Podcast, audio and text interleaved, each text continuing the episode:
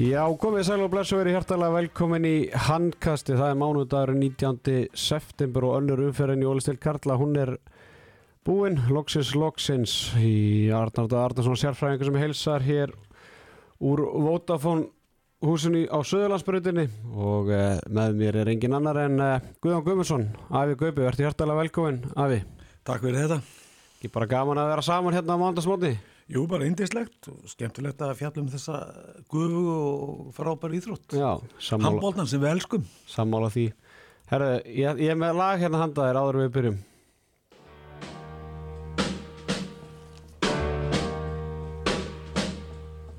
Walking through a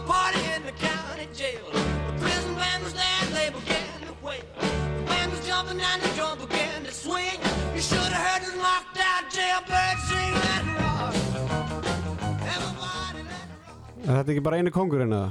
Jú, jú, þetta er Elvis, hann klikkar ekki. Fórst á myndina í bíó eða? Já, já, ég gerði það. Já, Og mér fannst þú góð. var virkilega góð. Já, mjög góð og skemmtileg. Já. Og dróði þetta vel saman. Já, Þetta var merkilegt uh, lífslaup hjá honum. þetta var nefnilega nokkuð aðtilsvært. Ég þek, þekkti sögun ekki alveg jafnvel og, og þú aðeins minn þannig að, þetta kom mér bara í opna skjöldu en, en ég hafði bara mikið gána af. Sömmulegðis. Já. Herðu, hérna, við ætlum að gera upp síðasta leikin í annar umferðinni sem var leikur K og IPVAF og síðan ætlum við líka bara svona fara yfir það svona sem að okkur finnst aðteklisvert í, í fyrstu umferðunum og en að við, við förum eins og segi, ég verðin að káa IPVAF leik 35-35 mikið skorað og, og mikið fjör þar sem að eh, hjá káa var einar Rafn Eðisson markað sem er 12 mörgur átján skotum. Gauti Gunnarsson eigamæðurinn Já, síndi úr hverju hann er gerður og var með 100% nýtingu í hægur hóttunum með 8 mörg Dag og Gautason. Bara velkomin til leiks, 7 mörg úr, úr 10 skotum. Hjá IBF var Rúnar Kársson markaðist með 6 mörg, Gabriel Martínez 5 og Kári Kristján Janus Djurhus og Elmar Erlingsson auk nökkva snæs með 4 mörg allir. Jæja, Gaupi, hvað sástu úr þessu leik? Mér fannst Káaliðið spila feikilega vel, ekki síst í fyrirháleik. Varnarleikurinn var góður. Þeir kerði í bakið á eigamönnum alveg miskunnar löst og það gekk upp hjá þeim. Þetta er nú að besta sem ég sé til Káaliðsins á þessari leiktið og ég held að leikur þeirra hafi komið í BVF í opna skjöldu. Þeir voru að gera þetta feikilega vel og síndu kannski hvaða möguleika þeir hafa. Gauti var náttúrulega stórkostlegur og dagur góður. Einar Rapsson átti náttúrulega magnaðan leik og dróð svolítið vagnin fyrir þá sóknarlega. En auðvitað eh, þegar þau þurfti að stilla upp og fara í uppsettan uh, sóknarleika þá lendu þeir í pínlutlum vandræðum í IBVF. Mér fannst eigamennir ekki alveg á deginu sínum í þessum leik. Rúnar Kárasson auðvitað skorur hann 6 mörg en mér fannst hann þungur. Setur ykkur daði sömu leiðis. Dagur Arnarsson var ekki að finna nægilega góðan takt í, í sínum leik og kom mér á óvart að því að mér finnst eiga liðið svona líta einna best út af þeim liðum sem ég hef séð en uh, það voru eiginlega ungu mennir í liði IBVF sem heitluði mig. Elmar var náttúrulega góður Gabriel og nökkur snær í hotninu hann átti afbraskóðan leik og uh, síðan náður þeir kannski ekki að tengja varnarleiki nægilega vel en ég held að þetta séu nú bara fyrst og síðast að byrjuna örðuleikar hjá eigamönnum þeir verða gríðarlega öflugir í vetur er með valin manni hver í rúmi og káamenn kannski sínd okkur það að þeir eru sínd við en ekki gefin ekki síst á heimavelli en auðvitað eins og ég gætum á þann þá er þeir veikir í umstiltum sóknarleik og, og Allan Norberg og, og Einar Rapp geta ekki borið leikin uppi þeir verða að fá fleiri að borðinu. Skarpiðin var ekki alveg að finna sinn takt, þetta er ungur leikmaður frábært efni og uh, síðan uh, dagur átni hann átti erfitt uppdráttar og það er bara eðlilegt en með fleiri leikjum að þá verða káamenninni betri og á heimavelli þá eru þeir sterkir og sterkari heldur en útivelli þannig að þar geta þeir náði sín stík Akkurat, þú talar um útilínuna hjá, hjá Káa, náttúrulega Einar Rafn Eðsson frábær með 12 mörg úr átjánskotum og búin að skora eitthvað nýju mörg hérna eftir 20 mínútur en þú nefnir hérna Skarpíðin á með 1 mörg úr fjóru skotum Arnur Ísak, 0 mörg úr einu skoti Patrikur Stefansson, 0 mörg úr einu skoti og Dagur Átni 1 úr 3, þetta gerir 2 mörg úr nýju skotum auk fullt að töpuðum boltum hjá þessum leikmönnum. Það lítur að koma þér óvart bara hvernig leikunum þróaðist að Káa var bara yfir nánast alltaf leikin Já, það sem liðin eru öll að gera, sýnist mér, þau lið sem ég hafa séð, þau eru að keira upp mikinn hraða, þau eru að elda, væntalega val. Þeir hafa svona eh, gefið línu síðustu ár, valsmennir, þeir spila gríðalega hratt, þeir eru fljótir að sækja, refsa grimt og það eru öll liðin komin í þennan fasa. En að móti kemur að, að þetta gerist ekki á einni nóttu, þetta tekur tíma að þróa þennan leikstíl og fyrir vikið eru mistökin mjög mörg og káamenn gerðu ótrúlega mikið af mistökum í leiknum. Þeir skora samt 35 mörg og eigamennir lendu bara í vandraði með þetta. Ég held að þetta hafi komið Erlingi og Kóa óvart hvernig þeir kerðu í bakið á þeim alveg miskunna laust því að við höfum kannski ekki séð þetta þennan leikstíl hjá Káa á undangegnum árum en þetta er mjög lofandi og mér finnst þetta fagnaðar efni að, liðin eru að, hérna, auka hraðan í sínu leik og, og keira, þetta er skemmtilegra en auðvitað er þetta bísna erfitt og snúið að halda þetta út mm -hmm. Sammála því, það er svona smá vendupunktur í leiknum í, í fyrraháleik þegar að káamenn alltaf ná góðu fórskot en eigamenn er að ná minka munin í er búin að minka meir í tvö mörg og geta minka í eitt mark en, en fá á sama tíma hraðaplifi baki og loka sókninni og, og fá svona aftur tækifæri til mingi tvö fyrir háluleik og náði ekki. Þetta er, þegar uppi staðið er þetta bara rándýrt. Þessar tvær síðustu sóknir eigamanna í, í fyrirháleik en, en á sama tíma svo setur maður spurningverki við jöfnunum Marka Elmars í, í lokin þegar að það er greinilegt að leikmar Káa fær höfuðhögg undir lokleiks en, en Átni Snær dómar í leiksins hann lætur boltan Líkin haldi áfram og Elmar á þetta því líka skot hvað á 15-16 metrum sem að tryggja um þetta stig sem að gæti orðið bara rándýrt eða uppi staðið.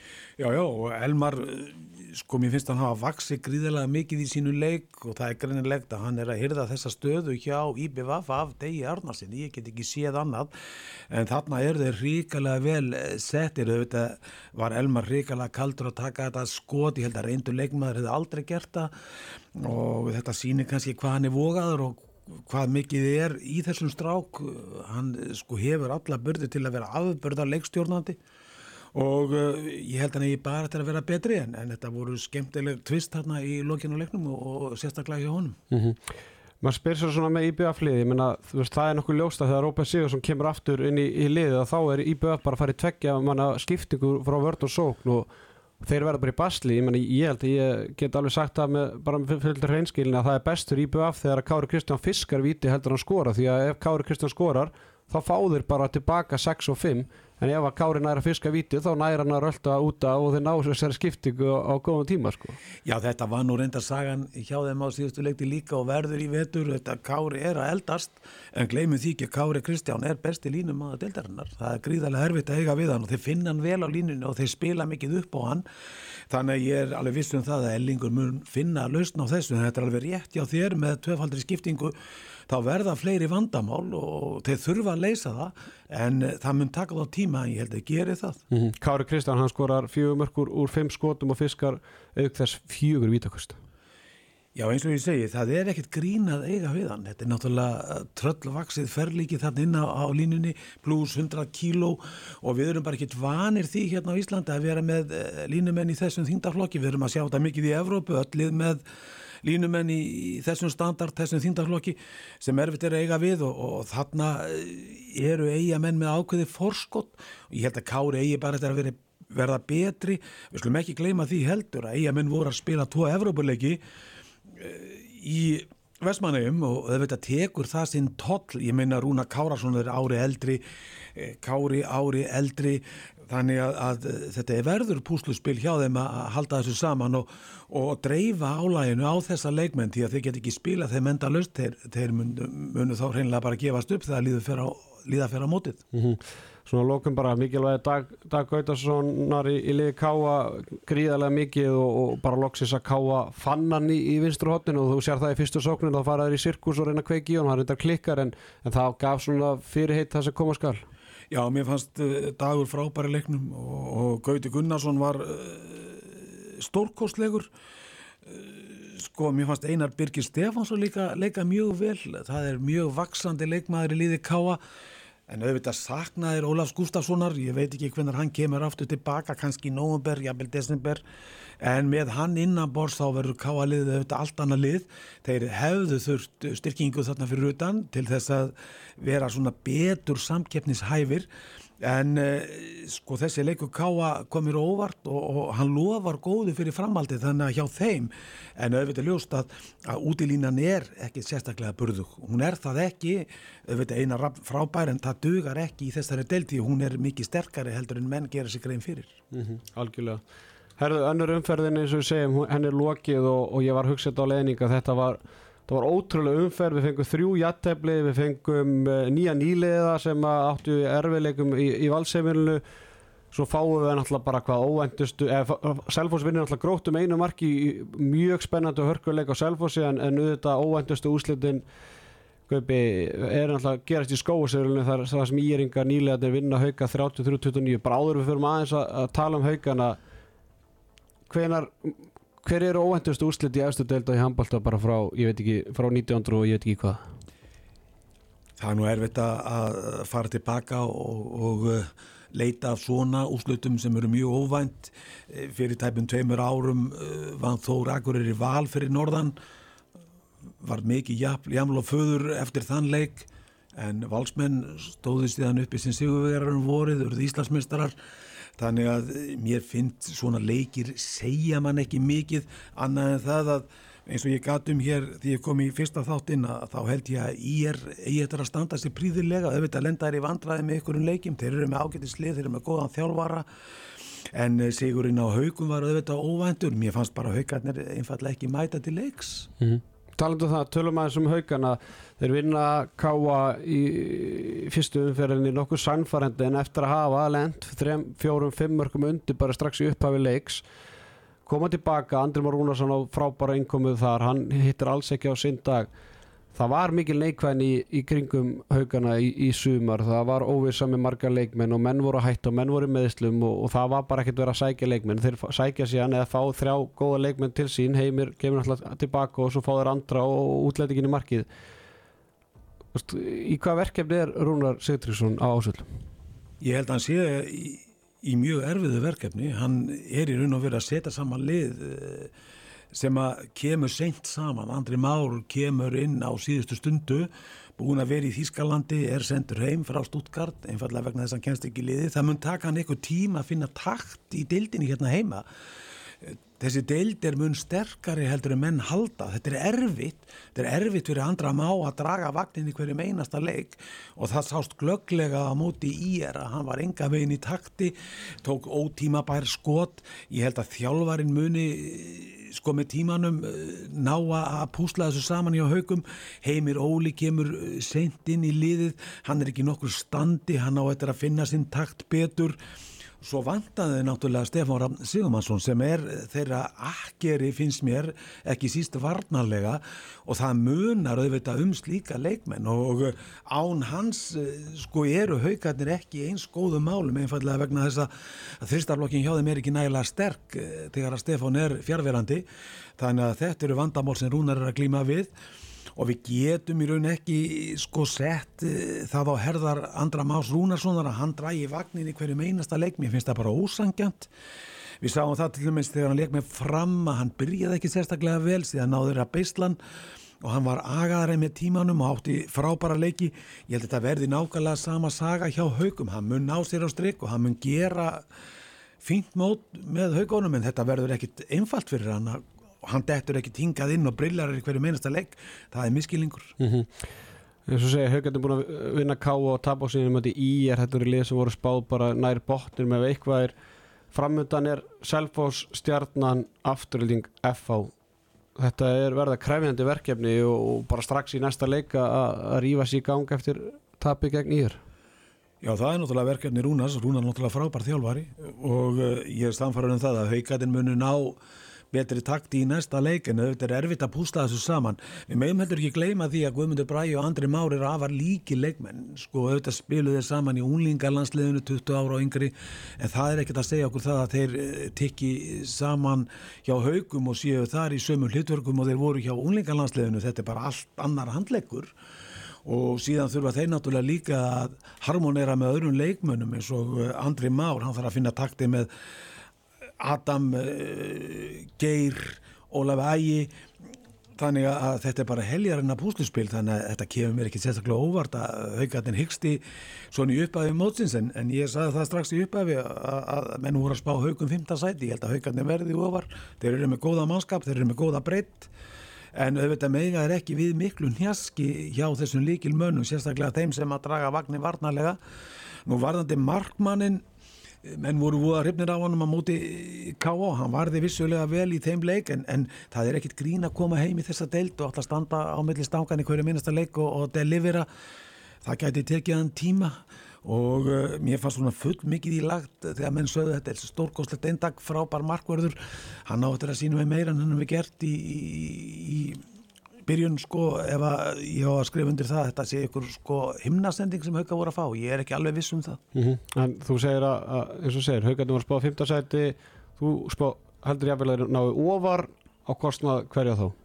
Já, það er ómögulegt að segja, sko mótið er ungt, þetta er rétt að byrja, við eigum þetta að fá fullt af óvandum úslutum á, á mótinu, fáum það strax í upphafi og til áramóta. Og við höfum séð það á undagegnum árum að það eru mörglið sem spila frábælega fyrir jól og síðan dettur botnin úr þessu síðan uh, síðari hlutan. Það er svolítið trend og þú þekkir það sjálfur að hérna á Íslandi þá eru liðin svolítið götna á það að spila sér í form. Mm -hmm. Leikmunni líka, þeir, þeir geta þetta. En uh, sko með haugana, ég er samfarður um að haugarnir verða erfiðir anstæðingar í vetur. Ég er ekkert að segja að þeir lendi mikið ofar heldur en fjórða-fymta sæti en uh, sko haugarnir eru með frábært lið og á deginu sínum þá er erfitt að eiga við hauga, ég tala um að ásvöld. Mm -hmm. Algjörlega sammála því. Herruðu, næsta lið sem að hlýtur að vera ansið svegt með stígasöfnun með að við spila með sko fyrstu tveimur umfyrunum Það eru strákunar hans Gunnar Maggi afturlningu. Þeir sita í tíndasætinu með eitt stíg en tapa í fyrstum fyrir á móti val með einu marki og ná síðan í jattefli, ná ekki ná, ég vil tapa bara sigri niður í jattefli um, gegn FA í síðustu umferð. Afturling voru vonbreið síðasta tíðanbils. Hvað, hvað breytingar er þetta að sjá í, í liðinu frá því fyrra?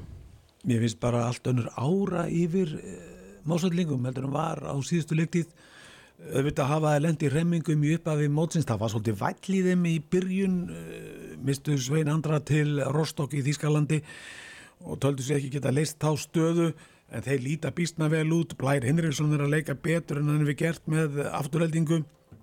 Þorstedt Leo var frábæri leiknum gegn FH þegar hann uh, hafði krafta. Það fjaraði svolítið undan honum síðustu 20 mínunar en hann er gríðarlega öflugur leikmaður, hann hefur vaksið í sínu leik Þeir eru í vandræði með leikstjórnandarstöðuna, þau veitir átni bræi að leysa þetta príðilega en í leiknum á móti FH sem ég lísti og þá fannst mér draga verulega af honum sérstaklega síðustu 20 mínútu leiksins. Var hann ekki alveg í þeim takti sem að hann gæti verið í, hann er að spila út úr stöðu, hann er auðvitað betri hægra megin á vellinum, Birgir Bendilsen á, á mikið inni þeir missa Einar Ingar Harpsson með rautspjald af velli bara í upphafi leiksins en þeir náða að leysa það. Og mér fannst þeir eiginlega klauvar ná ekki að klára leikin, mér fannst það svona fyrst og síðast bara óagaðu leikur hjá þeim sem gerur það verkum að þeir þurfti að sætta sér veistig og heimavelli. Mm -hmm. og mjög aðtæklusverður leikur í, í næstu umfjör og eiginlega leikur sem er maður afturling verður að vinna til að halda áfram þessu, þessu stíganda sem að liði virðist verið í það er útileikur mótið fram Já, já, ég er alveg klára því og það verður svolítið próf á þá þar, prófsteinn að mæta fram í Úlfarsdórdal. Ég veit ekki hvort að Gunnar Málkvist verði komið tilbaka en, en ég er samfarið um það að hann mun nýtast þeim vel því að þeir munu vantarlega að setja hann inn á miðsvæðið. Já, ég, mér skilst að hann verði ekki komin fyrir þannleik, hann er ennþá að klíma tóknun. Og, og láta hann stýra leiknum þannig að, að þeir býða ennþá eftir honum en þeir eru með nægilega gott lið til þess að vinna fram á útivelli, ég er alveg samfarið um það og þeir eru konu með Markmann Jóvan Kukobat, hann mun hjálpa þeim verulega. Auðvitað dettur hann niður á milli og kannski er ekki nægilega stöður en ég er samfarið um það ef að markværslan verður í lægi hjá afturheldingu og liðið hangir heilt að þá verða þeir mjög erfiðir anstæðingar í allan vetur. Því að strategían hjá þeim er mjög góð. Þjálfarin leggur þetta feikilega vel upp og þeir geta staði vörd sem er verulega pluss mm -hmm.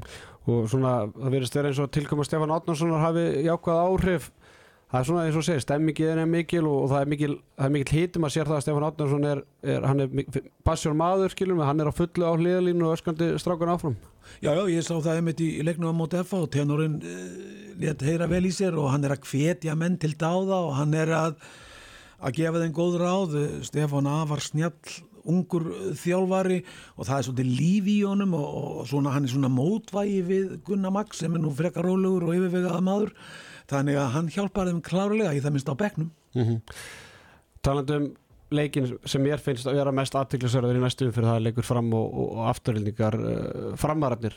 Þeir hafa komið bara nokkuð skemmtilega óvart í upphafið. Það var nú vita að þeir væru með stertlið en, en það voru nokkuð spurningamerki, sérstaklega útlendingarnir en, en fyrir, fyrir mitt leiti þá hefur Luka Vukusevits örfindi leikmannu fram bara komið virkilega vel inn í þetta og ég held að það hjálpa hann að vera bara svolítið Númer tvö og eftir Kjartan Þór Júliusson hann hefur bara fengið að koma þess inn og, og fengið að vera svona í smá aukalhutverki en hann hefur gert það gríðalega vel en, en samaskapi kannski Marko Koric á línunni ekki sínt mér það sem að maður bjóst við.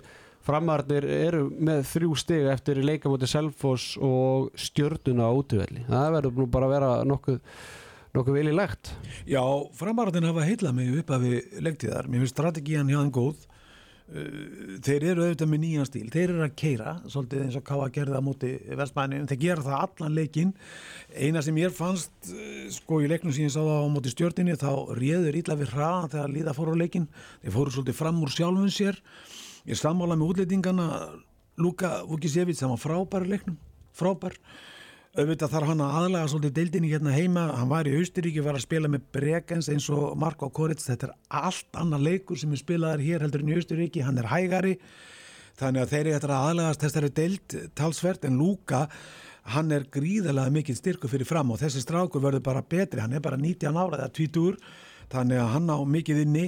Ég er ekki alveg eins hrifin af línumanninum Marko Koritz, hann er stór hann er þungur ég fannst hann stundum í vandraðum varnarlega, þeir finna hann ekki vel á línunni en svona með fleiri leikjum þá held ég hann eitthvað að vaksa inn í þetta lið fram og annars sem ég tók þetta ekki fram, ég fannst strákur eins og Ólafur Breim sem þú tekki nú vel mér fannst hann gríðarlega höflugur, hann er sterkur varnamaður og hann hefur sko ymsa eiginlega sóknarlega sem að eiga þetta að nýtast þeim vel. Stefán Darri finnst mér líka öflugur, hann er góður á miðjunni, hann er árásagjatt erfitt að eiga við hann og þeir eiga Breka Dagsson inni sem er gríðalegur styrkur en, en Breki þarf náttúrulega vera í einhverju standi til að geta spilað í þessari deild. Og mér finnst ótt vanta hjá honum að komast þér í alme, almennilegt form en þar er frábær leikmára fram á, á ferð.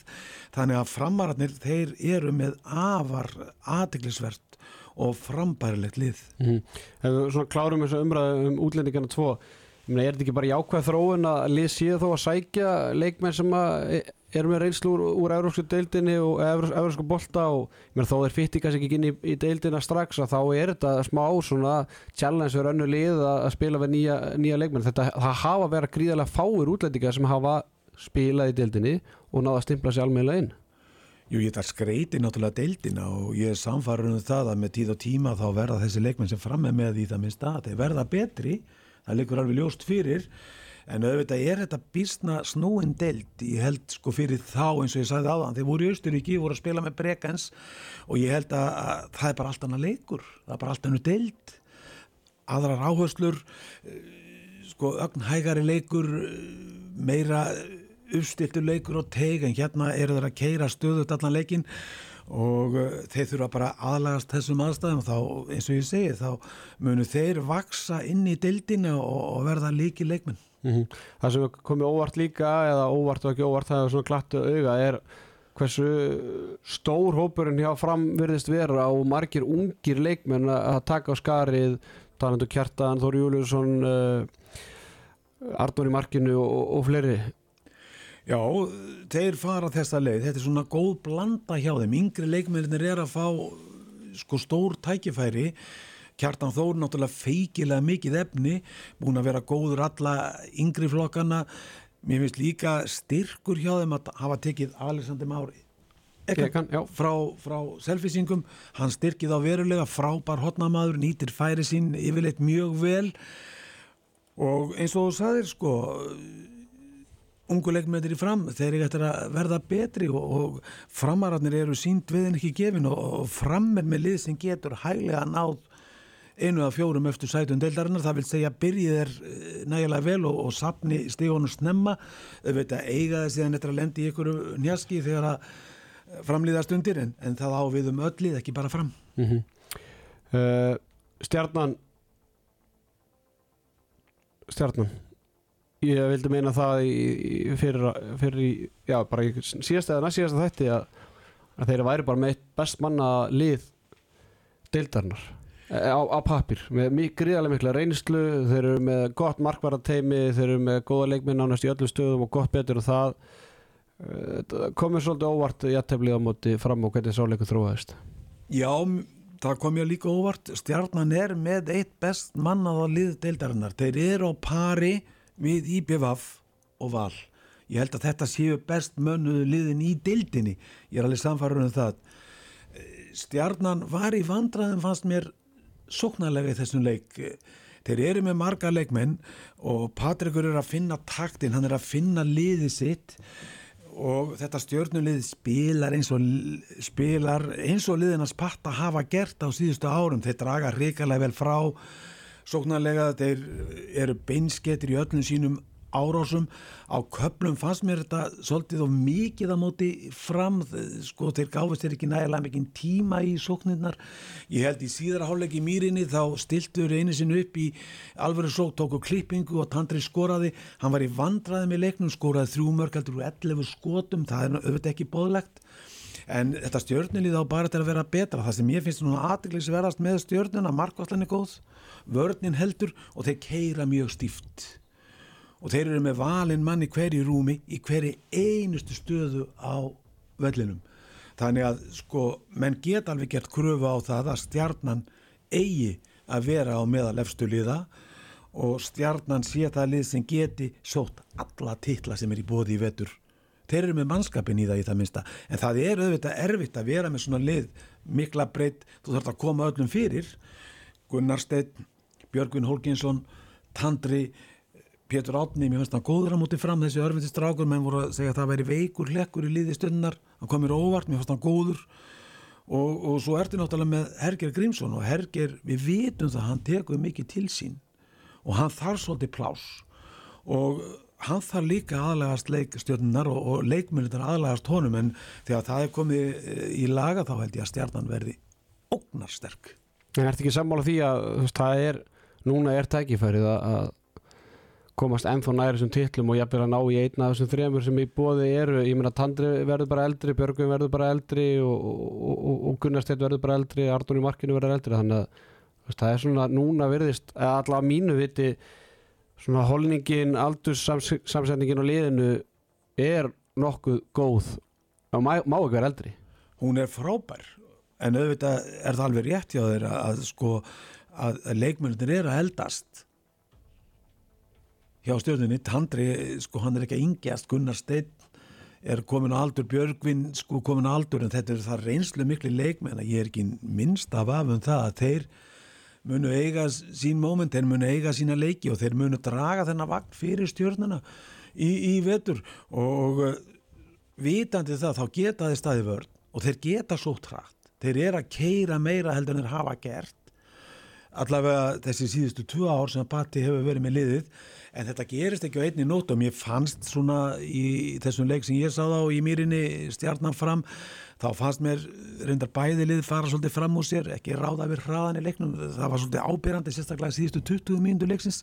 En uh, það eru litli hlutir sem eiga bara eftir að lagast hjá báðum liðum. Mm Síðasta liðið sem við ætlum að taka fyrir í, í þessum þætti uh, það er uh, liðið F-fanga, Fimleikafélag Hafnaferðar sem er með eitt stig að loknum tveimur umfyrðum, þeir tapa náttúrulega í fyrstu umfyrðinu á móti stjörnunni 33-28 og gera svo jættibli eins og nefnt hefur áður gegna aftur líka 25-25 í, í síðustu umferð. Gaupi, hefur ykkur áhyggjur á af F-fáliðinu? Nei, ég hef það nú faktist ekki, mér fannst það góðir á móti afturöldingu, sérstaklega í síðarháleik Það eru vandraði hjá F að missa Ágúst Birgisson og Ísak Grafsson úr liðinu. Það bara segir sér sjálft. Þetta var þrista parið þeir í fyrra, þetta voru leikmennir sem stjórnuðu varnaleiknum, þarna eru þeir í ákveðnum vandraðum og hafi ekki náðu að leysa, leysa þetta í fyrstu tveimu leikjunum. Þeir eru með unga leikmenn Jóhannes Berg og, og uh, Einar Braga sem er að koma inn og þeir eru eftir að finna sinn takt í liðinu. Það vantaði Egil Magnússon í liði til að mynda að gera mósveldingum hann var frá vegna meðsla ég held að hann hafi geta að spila leikinni þegar ákvaða kvílan og gefa hann meiri tíma til að ná sér. Ég hef ekki þessar áhyggjur sem menn hafa F á, ég held að þeir muni finna takt, þeir muni spila betur. Auðvitað eru þeir svolítið háðir því að Áspjöld Friðriksson sé á deginu sínum. Hann var frábær í Mósusbænum skoraði tíu mörg Jóhannes Berg finnst mér líka mjög öflugur leggmaður og, og betri hann er að spila betur en ég reknaði með að myndi gera í upphafi mótsins einar bræja og kannski lengra í land en það er bara allt önnur ella að spila með F á heldur en HK en þetta eru mjög góðir og aðtiklisverðir leikmenn þannig að ég held að F-fáingarnir þeir muni ná takti, þeir geta að spila góða vörd og þeir eru með frábæra markmann fljótið fram þannig að ég hef ekki mikla ráðvíkjur að F-fáingu þeir koma, þeir eru eftir að standa sig og spjara sig Mm -hmm. Það er F.A. Valur í, í næsta leik í þriði umförinu hvað hva heldur við fáum að sjá, sjá í þeim leik bæði svona bara út frá liðunum og svo bara frá F.A. liðinu úr, úr já ég menna þeir þurfa bara sigur að halda það Já þetta er bara próstetn og báði, bæði lið í þessum leik þetta er toppslagur alltaf verið skemmtilegi leikir það lappar enginn inn í kaplakrykka og valdar yfir FH, þeir munu gefa val góðan leik, ég er alveg samfarið um það þeir geta hæglega unnið þann leik varsmennir eru svona í ákveðnir enduníun, þeir hafa verið að spila á mörgum mönnum í öllum þeim leikim sem þeir hafa spilað. Þeir að spila á liðinu sínu þeir eru að spila sér í gang. Sömur sögur að segja að FH, en þetta er mjög aðdeglisverður leikur. Og þarna sjáum við kannski hvað liðin koma til með að bjóða okkur upp á í framhaldinu. Mm -hmm. Algjörlega samála því. Ég veit að allir sem er að hlusta, þeir hlusta til að læra og vita betur. Gaupi, eftir tvær umferðir, hvaða lið ná ekki úsleikemna? Það er rosalega ósangjant að, að, að, sko, að draga þetta saman eftir tvær umferðir en miða við það sem ég hef séð að þá held ég að það gæti reynst káamunum afar erfitt að ná inn í áttæliða úslitin en uh, sko að því gefnu að, að, Ólafur Gustafsson uh, komið tilbaka snemma að þá gæti þau dottið inn á síðustu stundu en þetta verið mjög strempið hjá káa í vetur að vera á með að láta hefstu liða miða við það sem ég sé til þeirra sem afer móts. En ég held að þessi baráttum átta eftir sætin verði mun harðari heldur að menn gerir sér grein fyrir. Ykkur liði eftir að, að valda vonbröðum ykkur liði eftir að spila betur en við reiknum með og það lið sem kannski hefur heilla mig mest í þessum teimur fyrstu umferðum er fram og ég ætla að halda mig við að IPVF sé með öflugasta liðið. Ég get ekki séð betur. Og það er liðið sem menn þurfa að vinna í vetur. Allir þessir að verða Íslandsmeistarar eða vinna mótin. Það er ekkert annað. Póþétt Póttjétur. Herru Guðjón Guðmundsson, eh, ég held að við höfum þetta ekkert lengra í, í byli, ég held að við séum bara bank, búin að tæma bankan og, og minniskort er að fyllast, bara ekkert eðlulega jákvæmt að fá þig hingað og, og leifa fólkina að fræðast betur um þjóðar íþróttina sjálfa og ég held að það verður ekki margar umfyrðan liðna hann til við hittust aftur. Arnar, við elskum handbólta, þetta er frábær íþrótt þetta er þjóðar íþróttin eins og þú segir. Og það sem ég er svo glaðið með að hafa fylst með þessu í langan tíma í fjóra áratí rétt rúmlega við erum alltaf að styrkjast, við erum alltaf að verða betri. Og uh, til að mynda eins og núna þá sjáum við það að liðin eru að elda val í, í hraða, öll liðin að keira við sjáum að liðin eru í góðu formi þannig að sko þetta á bara eftir að vaksa og verða betra. Það er ekki bara? Póðitt segjum það. Herðu við þökkum kærlega fyrir okkur í, í byli og uh, Stefán Átni Pálsson og Áskjör Örn Hallgrímsson þeir hittu fyrir þriði umföruna í þessari viku og síðan verða súkulæðistrákarnir Stimmi Snickers og Benedikt Bounty. Þeir ætla að gera upp þriði umföruna með sérfræðingum á laugadags morgun. Við þökkum kærlega fyrir okkur. Verðið sæl.